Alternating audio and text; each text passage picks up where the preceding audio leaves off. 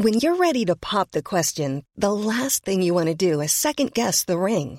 At Bluenile.com, you can design a one of a kind ring with the ease and convenience of shopping online. Choose your diamond and setting. When you find the one, you'll get it delivered right to your door. Go to Bluenile.com and use promo code LISTEN to get $50 off your purchase of $500 or more. That's code LISTEN at Bluenile.com for $50 off your purchase.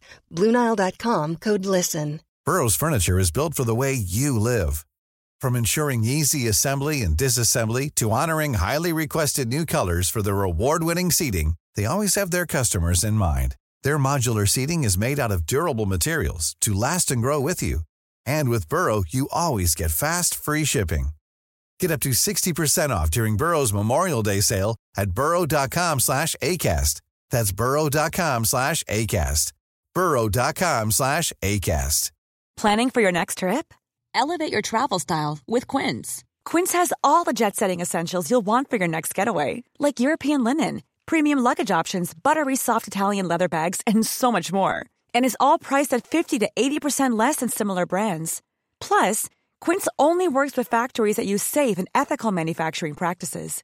Pack your bags with high-quality essentials you'll be wearing for vacations to come with Quince. Go to quince.com slash pack for free shipping and 365-day returns. The Send, nye tider i Misjonssambandet og et annet KrF. Velkommen til denne ukens episode av Tore og Tarjei, en podkast fra dagen.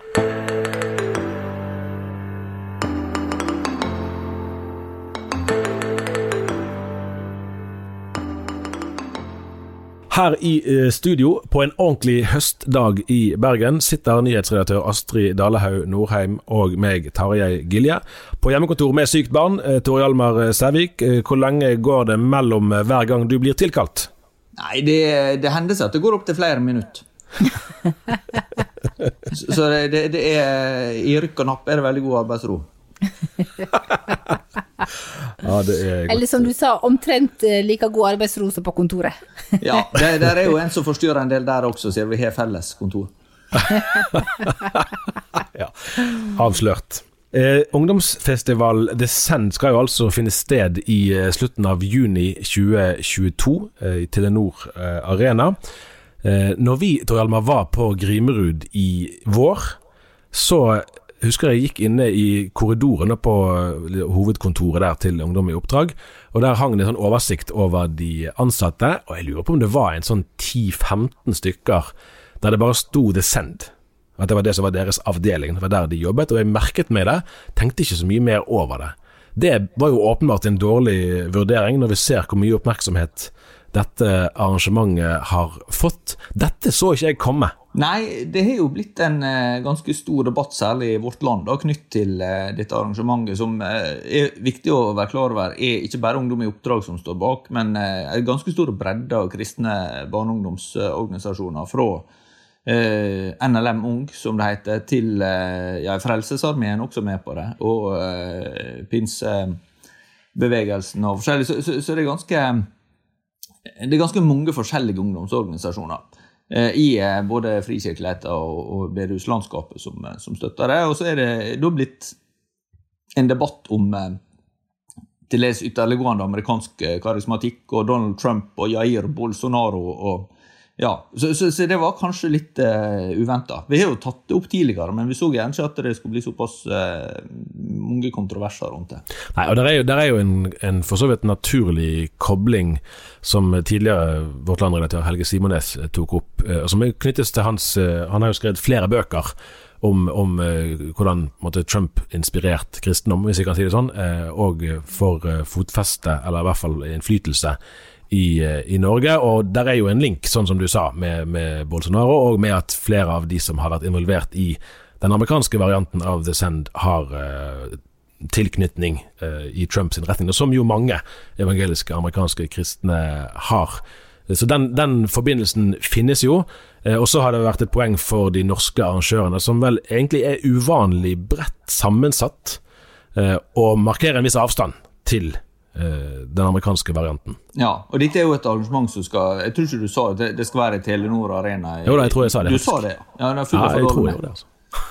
Eh, men men, eh, men eh, eh, det er jo også kanskje verdt å merke seg at arrangørene ikke vil invitere verken Bolsonaro eller Trump, men derimot Jonas Gahr Støre til å komme med hilsing til det frammøtet. Så, så det er jo, eh, de politiske forbindelsene går jo litt forskjellige retninger her. Det må jeg lov å si. Eh, og så er det jo interessant eh, å trekke linjene, for her blir jo Det er jo ingen som eh, Altså, de, de talerne som er eh, kjent, eh, altså det kommer flere, men de som er offentliggjort, det er jo i, i hovedsak eh, kjente navn. Noen eh, litt sånn UiO-pregede som har vært på arbeidersamlinger der, og en del eh, kjente norske talere som knapt vil kunne plasseres i noe Trump-selskap. Men arrangementet settes jo i ledtog med mer eh, ytterliggående eh, kristendomsformer, i hvert fall sett med norske øyne.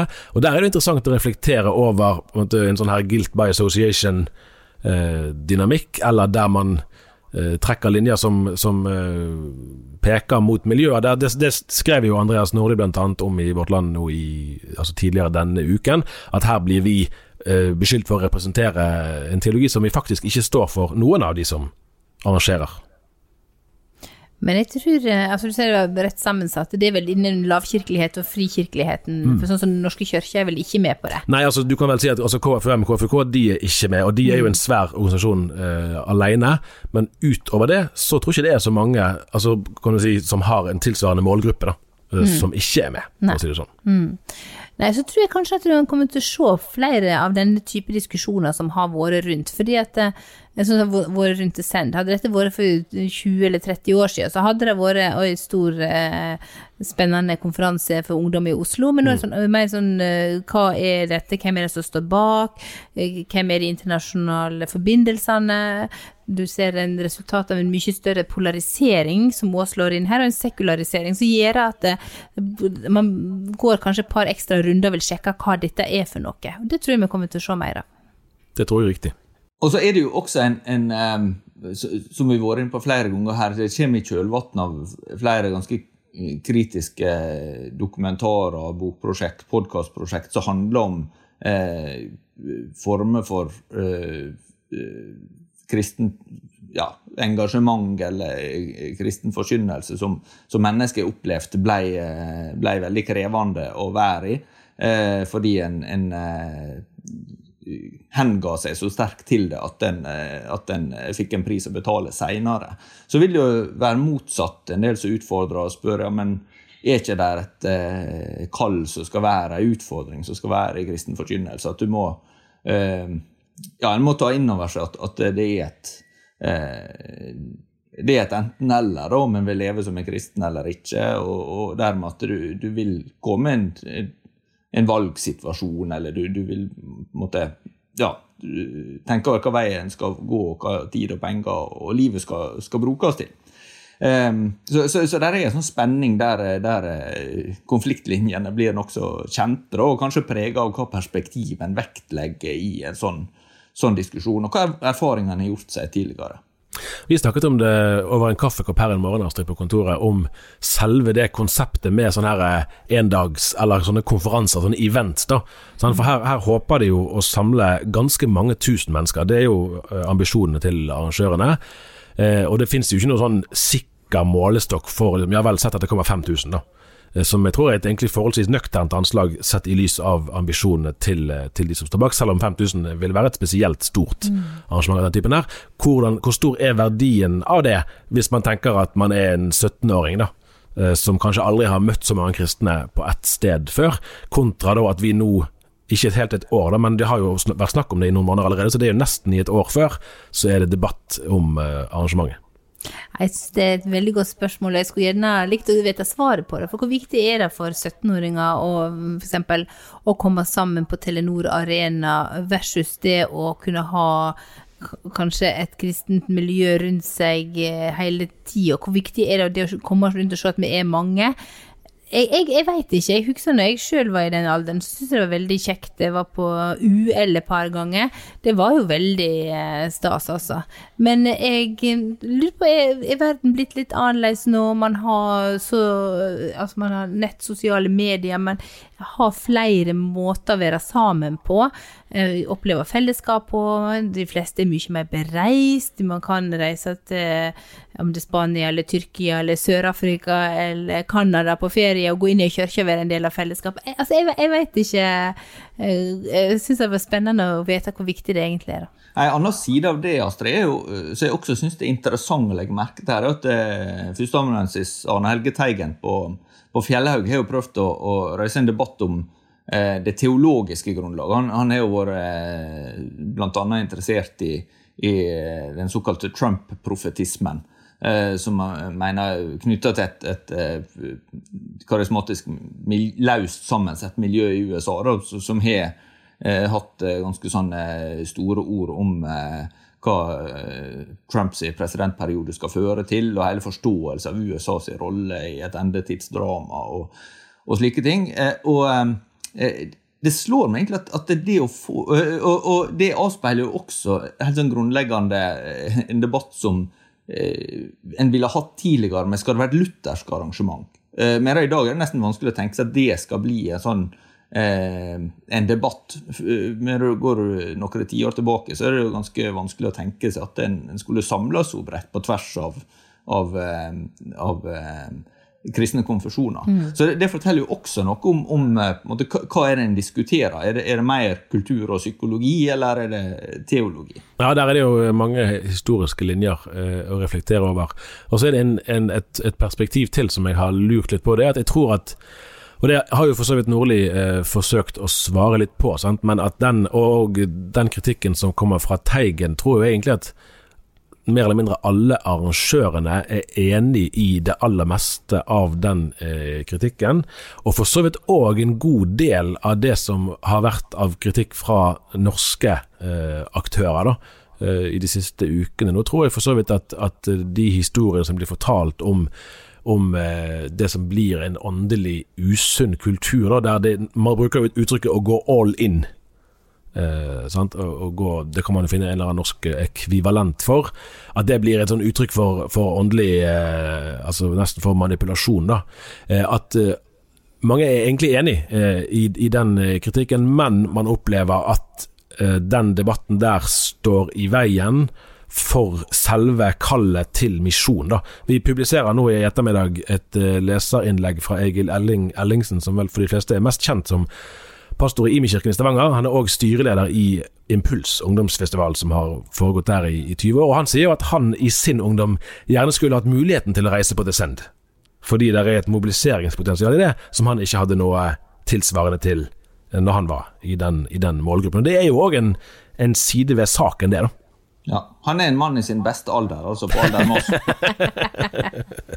så, så vidt var 40, tror jeg. Ja, ja. Ja men, men, eh, det er vel eh, grunn til å tro at det siste leserinnlegget ikke er publisert om eh, denne saka her. Det tror jeg er helt riktig. Men siste ord er sagt eh, om det i denne anledning. Eh, vi går videre, eh, men da går vi litt tilbake i tid, riktignok bare noen dager. For eh, forrige helg var det altså rådsmøte, som det heter, i Norsk Luthersk eh, Misjonssamband. Astrid, først eh, hjelp oss. Hva er dette rådsmøtet for noe? Eh, rådsmøtet er ei samling de har eh, høsten før det skal være generalforsamling, som skal forberede sakene, eh, snakke gjennom sakene, legge premissene. Det ble oppretta i 1997, da kvinner fikk stemmerett i generalforsamlingen. Før det hadde ikke kvinner hatt stemmerett, fordi at de anså generalforsamlingen for å ha åndelig læreansvar. Eh, og de mener at det tilligger kun menn. Så for å åpne eh, generalforsamlingen for kvinner, så oppretter de et nytt eh, råd, som ble et rådsmøte. Og det er da ikke åpent for kvinner? Det er ikke åpent for kvinner. Nei. Og De skulle jo egentlig da møttes i fjor høst, på samme måte som at det skulle vært generalforsamling nå i sommer. Men av samme grunn som i annet, så er det blitt utsatt. Men nå fant det altså sted på Oslofjord Convention Center, samme sted som både UL Eh, og eh, generalforsamlingen skal eh, finne sted neste sommer. Og Da er det et poeng å si at fordi dette er jeg har kalt det litt for et slags sånn utvidet eldsterådsmøte. Mm. Sånn at det er ikke et generell strategisamling fordi at i den debatten eh, skal òg kvinnene være med, men innenfor den forståelsen som Misjonssambandet legger til grunn, at det å foreta altså læreavgjørelser eller teologiske avgjørelser, det mener man da at det er menn som skal gjøre, og derfor eh, var det rådsmøtet som skulle foreta det. Men da var det kirke kirketenkning, eller de kalte det for menighetstenkning. Det var det som sto på den offisielle mm. dagsorden Og så har jo Rådsmåte fått en del kritikk opp igjennom, nettopp fordi at det har vært ytterst få eh, lærespørsmål det har tatt stilling til, og i praksis så har det fått et, eh, nettopp et eh, rådsfunksjon eh, som òg har tatt opp i seg strategi og økonomiske, eh, altså økonomiske implikasjoner og sånn. At man, og kvinner har opplevd at eh, viktige beslutninger så de formelt sett kunne hatt mulighet til å være med på, ikke har vært åpne for dem fordi at de har blitt lagt til rådsmøte. Ja, og Der er òg den siden som vi har så vidt har omtalt, at dette møtet er ikke åpent for uh, verken for kvinner eller for pressen, for å si det sånn. Nei, jeg har vært der én gang, og da satt jeg på gangen. Ja. Um, ja, men det var jo fordi at jeg var presse, eh, ikke fordi at jeg var kvinne. Nei, men dermed kan, kan måte, bare de som er i rommet, kan egentlig vite hva som blir uh, snakket ja. om sånn direkte. Og der ligger jo en, en, eh, en, en sårbarhet, kan jeg vel trygt si, ja. i det. At hva, om, om det er uh, samtaler som handler om andre ting osv., det, det er det faktisk bare delegatene sjøl som vet. Nei, det fremstår veldig pussig, må jeg vel si, ja. ikke minst i våre dager der offentlighet og åpenhet er så viktige, mm. at en forsamling på 50-60-70 mennesker skal det, det, det, gir ingen mening å snakke om at det er fortrolige samtaler Nei. når det er så mange. At de skal være lukket, det er Nei, i en åpenhetskultur. Åpenhet bygger tillit, eh, og man må ha transparens, så gir det veldig lite mening. Ja. Vi har jo eh, to ganger nå bedt om å få vite stede, og fått avslag eh, begge ganger.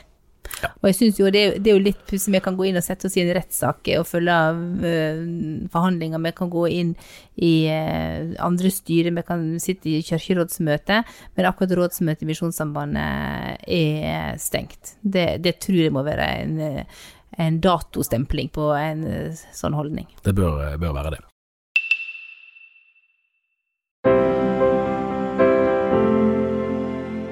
Leter du etter inspirerende kristne filmer og serier for hele familien? På New Faith Network finner du det største nettutvalget av historier om tro, håp og kjærlighet. Abonner nå og se de første 14 dagene gratis. Gå til newfaithnetwork.no.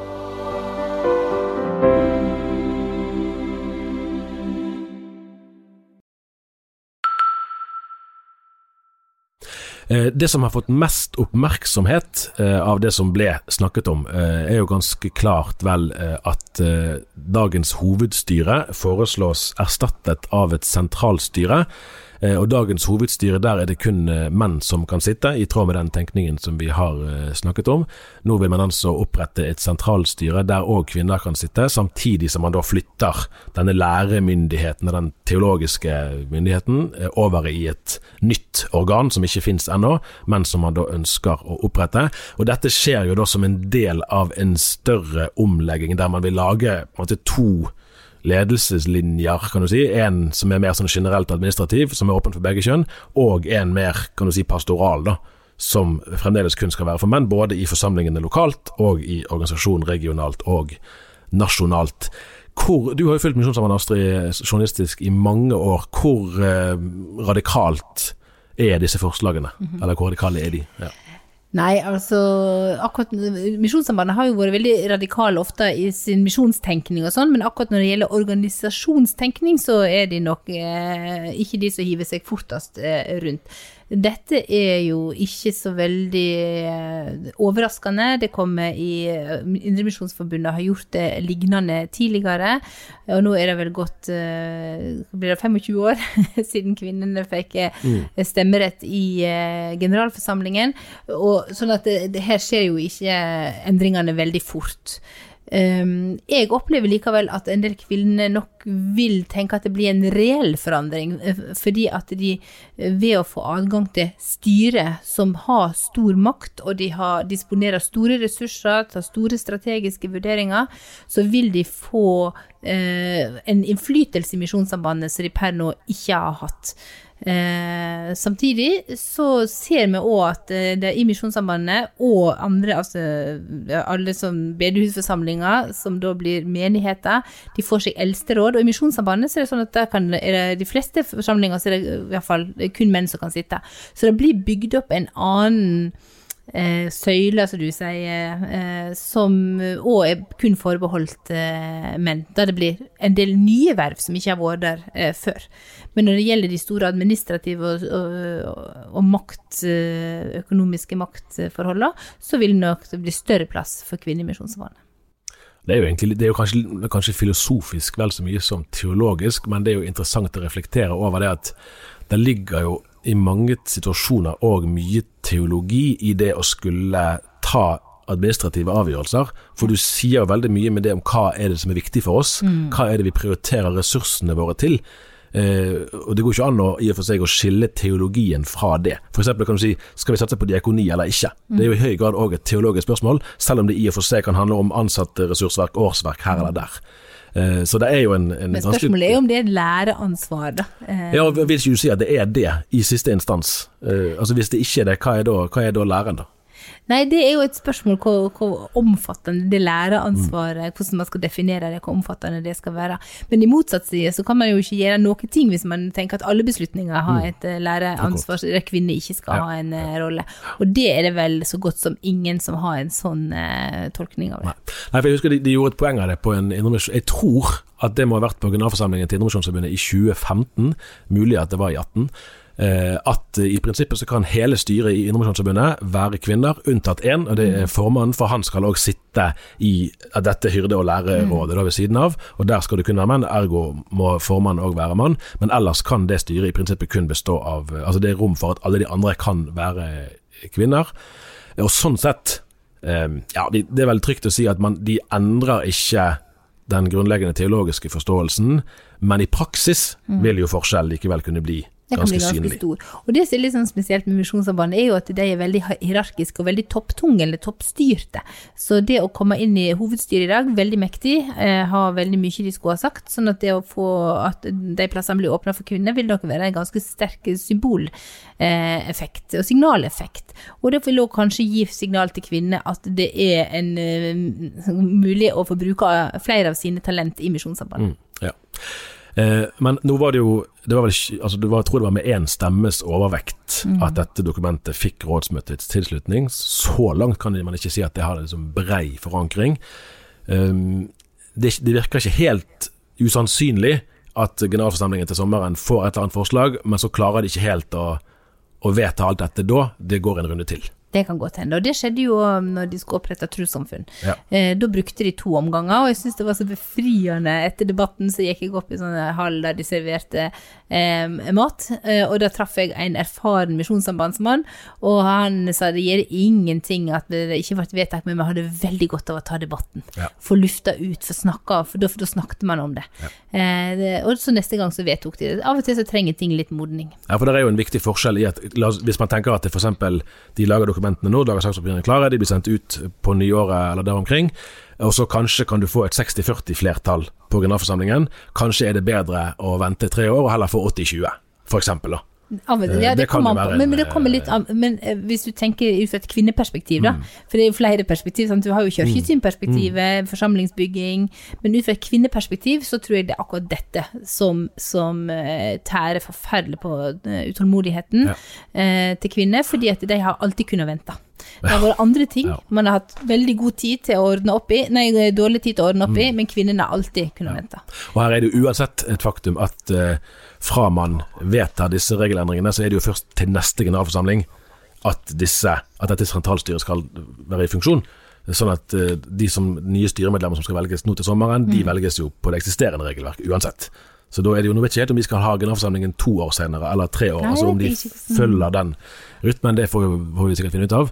Men det går uansett noen år til før det faktisk kan sitte kvinner i dette styret i Misjonssambandet. Og da spørs om man har tid til å vente i ti år til, da, hvis du setter det på spissen. ja, ja. Eh, og spesielt siden det samtidig blir bygd opp nye eldsteråd og andre ting, der det er akkurat. mange posisjoner som kun forbeholdt eh, menn i organisasjonen. Ja, ja.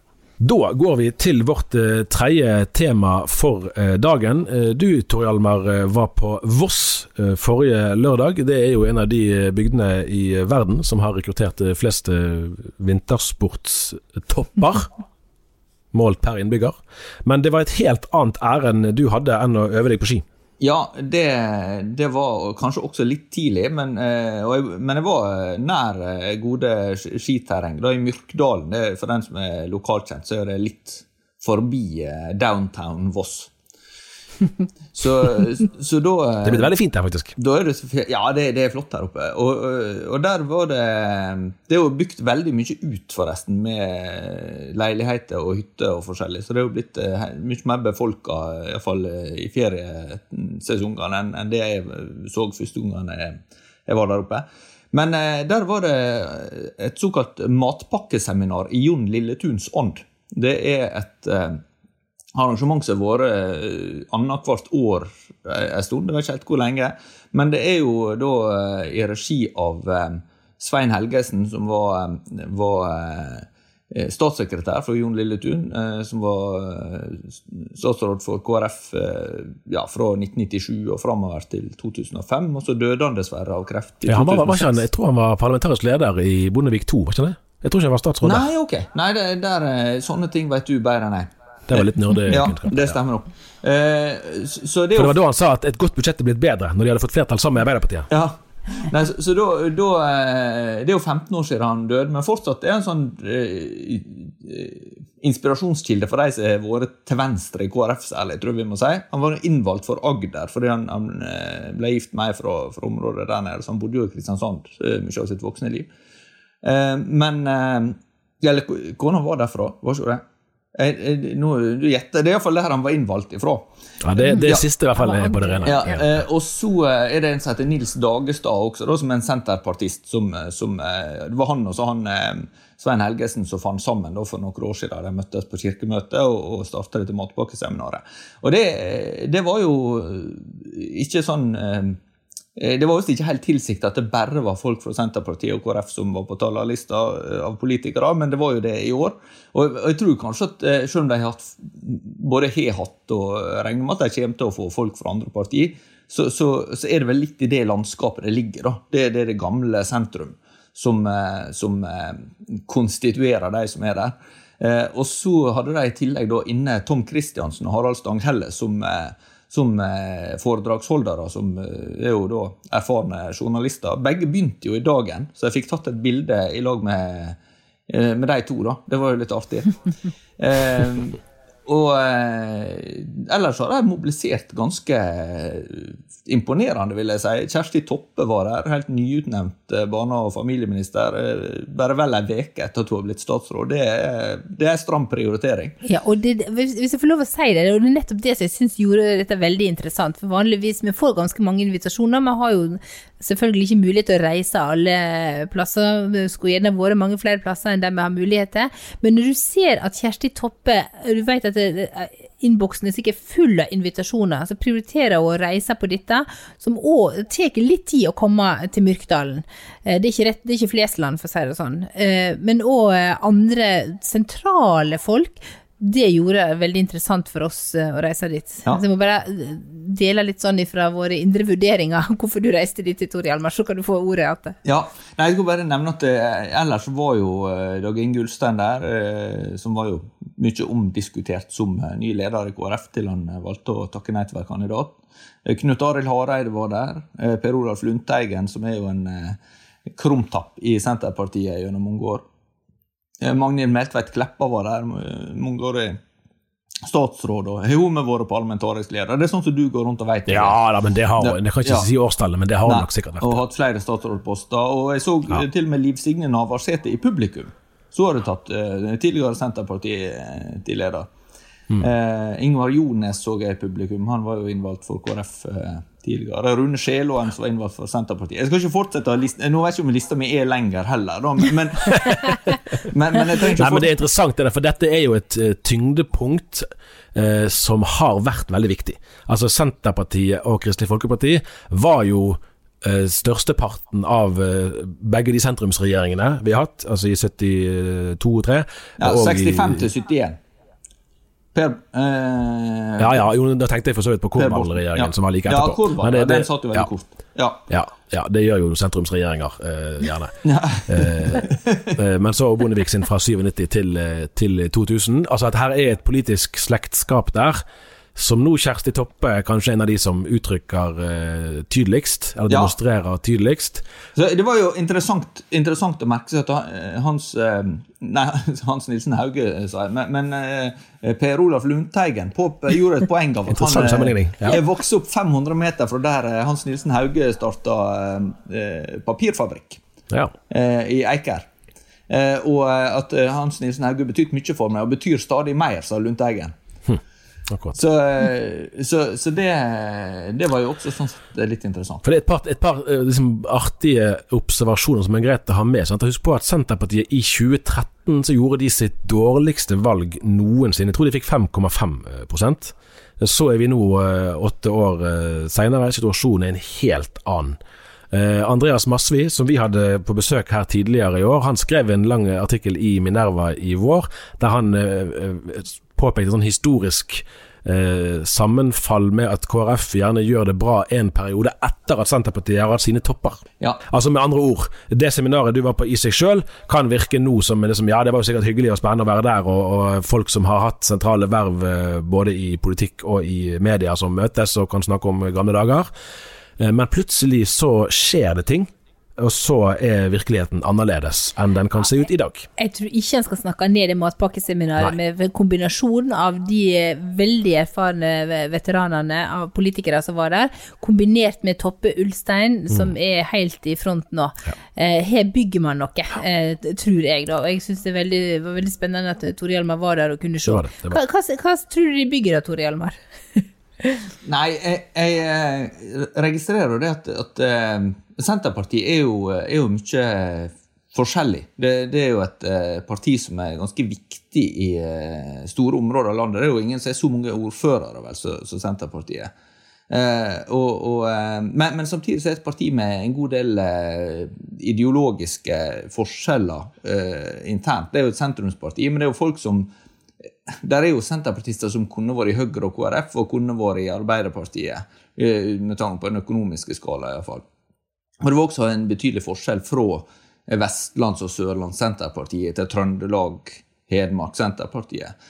Eh, Så, sånn at jeg, jeg tror her er det på en måte de i vest som finner hverandre. Og det er jo også ikke minst en tydelig front, sånn som jeg opplever, mot Frp. Eh, Og den eh, Ja, det, at, at KrF skal søke samarbeid i, i den retninga igjen, da. Men det har jo da eh, Frp med all øns, eh, ønska tydelighet eh, gjort klart at de ikke ikke ønsker heller. Så, så, sånn at det, det, det forteller jo noe om at, at eh, blokkene eh, Harald Stanghelle var jo veldig tydelig på at vi, en snakker av det som om vi har to blokker i norsk politikk. Det er lenge siden det stemte. For bare i løpet av de eh, åra som er gått siden Bondevik dannet sin første regjering i 1997, så har vi hatt åtte forskjellige regjeringskonstellasjoner. Og det, er der, det, der, det var derfor jeg sa det med både Senterpartiet i 2013 og òg med, med sentrumsregjeringene og Senterpartiets uh, utvikling, at tenk nå, etter alt å dømme så skal jo landsmøtet i KrF velge Olaug Bollestad til ny partileder uh, om et par ukers uh, tid. Uh, Hareide ble jo kalt for Bitte lille Tun. Ja, han var statssekretær for han i sin tid. Både Ulstein og Bollestad kan vel på sine vis eh, jeg vil jo tippe at begge to egentlig vil ønske å plassere seg i Lilletun sitt selskap. Det kan jo godt være at Kjell Ingolf Ropstad òg eh, ville gjort det, altså, det har jeg aldri spurt han om. Eh, men, men det er jo eh, Det er jo noen paralleller. Bare tenk på Nå så jeg senest i dag, eller var det i går, jeg så på den her Instagram-profilen at hun eh, skrøt av mannen som var så god å stryke, å stryke skjorta, tror jeg det var. At herr Larkin, eh, osv. Altså, det- altså, for Lilletun var jo en KrF-er eh, med appell langt utenfor eh, partiet, eh, og en utpreget brobyggerkvaliteter. Eh, og det det bli spennende å se, da, i hvert fall. Hva som eh, skjer nå fremover. Du, det var det vi rakk i denne omgang, for nå skal jeg gå i et annet møte. Eh, dessverre, dessverre, dessverre, dessverre, så eh, er jo dette Jeg tror vi sier sånn at dette er siste gang at Astrid er med i kraft av å være nyhetsredaktør. Det er det nok. Jeg velger å si det sånn. Det, ja. Det- Nei, det, det, da hører jeg at det er mulig at jeg kanskje blir invitert, Ganske men riktig. jeg eh, har altså fått meg ny jobb og skal slutte i dagen. Så jeg har en av mine aller siste dager i dagen på jobb i dag. Så det er vemodig. Det er akkurat det det er, nemlig. Eh, Senter for undersøkende journalistikk ved Universitetet i Bergen. Eh, Det er vel, jeg tror vi har snakket om at det er sånn 13-14 minutters gangavstand herfra Ja. til kontoret. Men det er altså en annen arbeidsgiver. eh, Men eh, vi skal nok se om du kan få eh, komme innom både én og flere ganger i podkasten og i fremtiden. Det takker jeg ja til. ja, men da, da sier vi det. Det var det vi rakk denne uken. Takk for at du hørte på. Vi høres igjen.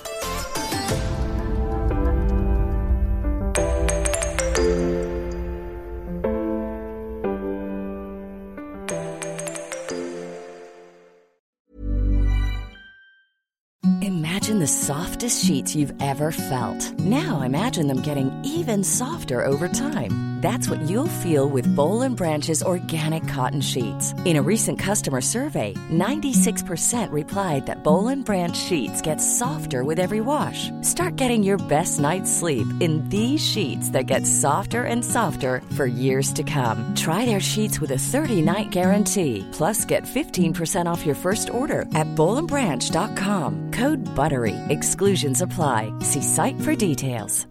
Hi, I'm Daniel, founder of Pretty Litter. Cats and cat owners deserve better than any old fashioned litter. That's why I teamed up with scientists and veterinarians to create Pretty Litter. Its innovative crystal formula has superior odor control and weighs up to 80% less than clay litter.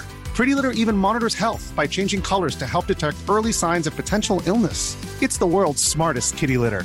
Go to prettylitter.com and use code ACAST for 20% off your first order and a free cat toy. Terms and conditions apply. See site for details. Hey, it's Paige DeSorbo from Giggly Squad. High quality fashion without the price tag. Say hello to Quince. I'm snagging high-end essentials like cozy cashmere sweaters, sleek leather jackets, fine jewelry, and so much more. With Quince being 50 to 80% less than similar brands. And they partner with factories that prioritize safe, ethical, and responsible manufacturing. I love that. Luxury quality within reach. Go to quince.com slash style to get free shipping and 365 day returns on your next order. Quince.com slash style.